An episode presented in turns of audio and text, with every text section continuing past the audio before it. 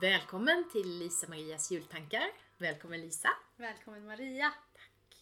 Vad ska du hitta på för något med oss idag? Vad hittar vi i din lucka? Ja, jag öppnar min lucka och då så ligger där faktiskt en bok som heter Brinna, att göra skillnad som ledare i en ideell organisation. Och den har jag skrivit. Så Mm. nu, jag väljer att tala lite i egen sak idag. Gör du rätt. Jag är lite mallig över den här faktiskt. Och den är inte ny. Och det är det bland annat som jag är lite mallig över. Mm. Alltså den här, jag skrev den här boken 2012. Det är tio år i år. Det är tio år i år, precis. Så det är en tioårsjubilar som ligger i den här luckan faktiskt. Och sen kom den ut på, jag, skri- jag gav ut den på eget förlag då 2012 och sen kom den ut på ett förlag 2016. Som plockades upp av Trinanbai. Det här är en bok som handlar om ideellt engagemang och ideellt ledarskap och den är tänkt som en handbok eller som en, som en god vän till den som tar på sig ett ledaruppdrag i en ideell organisation. Och det kan vara, jag har tänkt mest alltså ideella, som ordförande i en Röda Korskrets eller ja, vad det nu kan vara. Kanske engagerad i en fackföreningsstyrelse eller ja, men alla olika ideella organisationer som finns. Men också även chefer i de organisationerna Mm. har haft nytta. Och egentligen så tänker jag att alla liksom som driver frågor har ju ett slags ledarskap Mm. Visst är det så. och har då nytta av tankar kring grupputveckling och kring... Alltså det som, det som jag tycker är mest roligt med den här boken också är att det är ju sådär, man skriver en bok och så tror man att man har någon sorts fokus och sen vandrar boken iväg och lever sitt eget liv Ja. och så används den på andra sätt. Och det som folk brukar säga när de pratar om den här boken det är att den handlar om hållbart ledarskap. Mm. Om att ta hand om sig själv om att brinna utan att brinna ut. Ja, det som är så Det, viktigt. ja, det är ju Mm. det. Och det är så spännande tycker jag att jag hade inte det, det var inte syftet med boken. Nej. Även om det finns sådana delar i boken också. Men uppenbarligen så löper det som en röd tråd i alla fall Mm. genom boken. Det tycker jag är häftigt.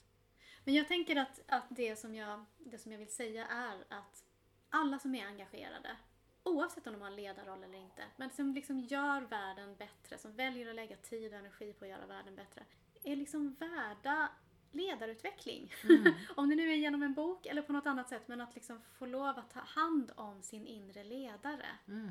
Så tänker jag idag. Mm. Det låter väl jätteklokt. Ja. Vad tänker du om detta? Om att brinna utan att brinna ut och om Mm. ledarskap.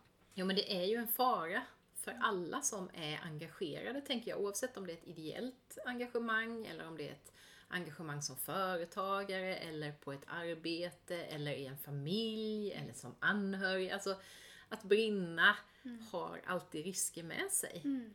Det finns alltid det där, den där lilla baksidan att man kanske inte orkar i längden. Så jag tycker det är oerhört viktigt att prata hållbarhet. Jag gör ju också det. Ja. I min senaste bok pratar jag ju också om, det är ju inte ledarskap, men det är ju att, att vara hållbar som anhörig. Och det märker jag också att det är ett kapitel som eh, många, eller den aspekten av eh, boken och bokens budskap är väldigt eh, intressant för många. Mm. Eh, jag har särskilt till, till exempel arrangörer som har bett mig lyfta det perspektivet. Så att jag tror ju att det är en sån otroligt viktig fråga att prata hållbarhet ur alla möjliga dimensioner. Mm.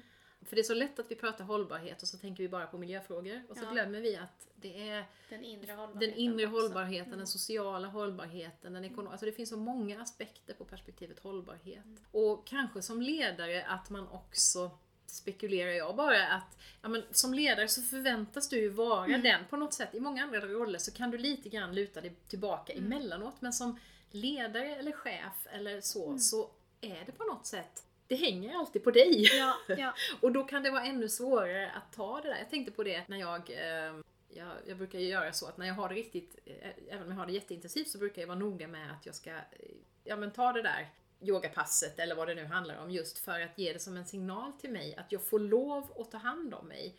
Och det tror jag kan vara ännu svårare när du har en ledande roll. Därför att Och vet du vad jag tror också? ja. Att, eh, alltså det som förenar våra böcker då, Anhörigboken och den här Brinna.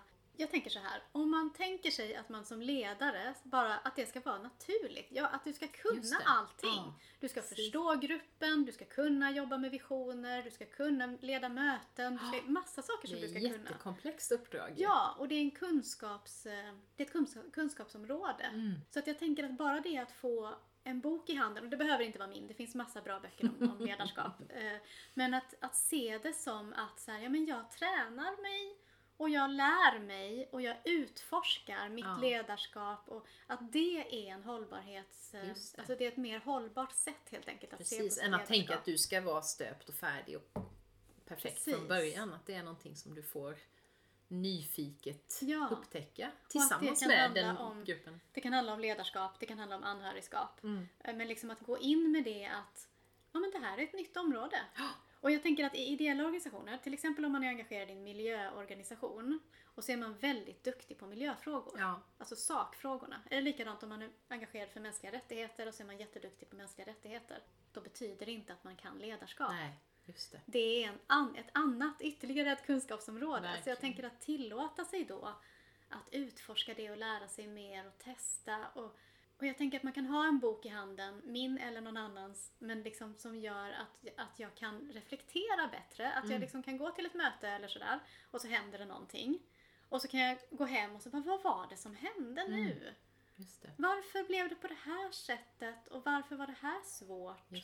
Och inte omedelbart slå på mig själv då och tycka att nu var jag misslyckad utan försöka se vad var det som hände Ja, egentligen. och det är lättare om man ha- har någon form av teori helt Mm. enkelt. Eller modeller eller Just det. liksom De där frågorna just ja, som är Så att det blir som en, som en mentor eller coach eller sådär. Mm.